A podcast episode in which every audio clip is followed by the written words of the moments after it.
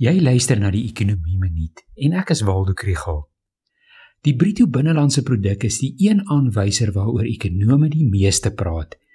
Dit is die maatstaf van ekonomiese groei en die basis van al die belangrike verhoudinge, so staatsskuld tot BBP. Een keer elke 5 jaar word die BBP hersien en dit is groot nuus. Eerste is die basisjaar aangepas na 2015.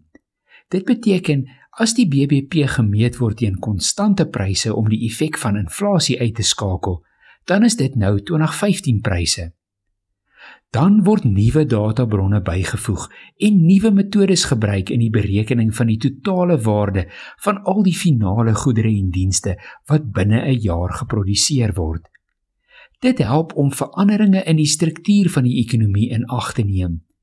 Statistieke Suid-Afrika gee op hulle webblad 'n mooi verduideliking van die nuwe databronne en die opgedateerde supply use tables wat hulle gebruik het. So wat is die eindresultaat? Die ekonomie is toe 11% groter as wat tot gister toe nog beraam is.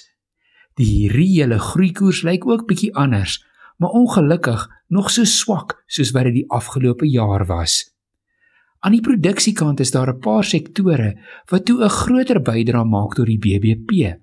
Byvoorbeeld finansiële dienste, eiendom en besigheidsdienste. Persoonlike dienste en ook vervaardiging was groter. Algemene owerheidsdienste en mynwese maak toe 'n kleiner deel van die BBP uit. Aan die bestedingskant is huishoudings se besteding toe 'n groter deel van die BBP as wat vroeër gemeet is maak hierdie saak? Ja en nee. Ja, want die BBP syfer word in amper alle ekonomiese ontledings gebruik en 'n meer akkurate beraming is dus belangrik. Maar nee, die hersiening los nie ons probleme op nie. Die ekonomie groei te stadig.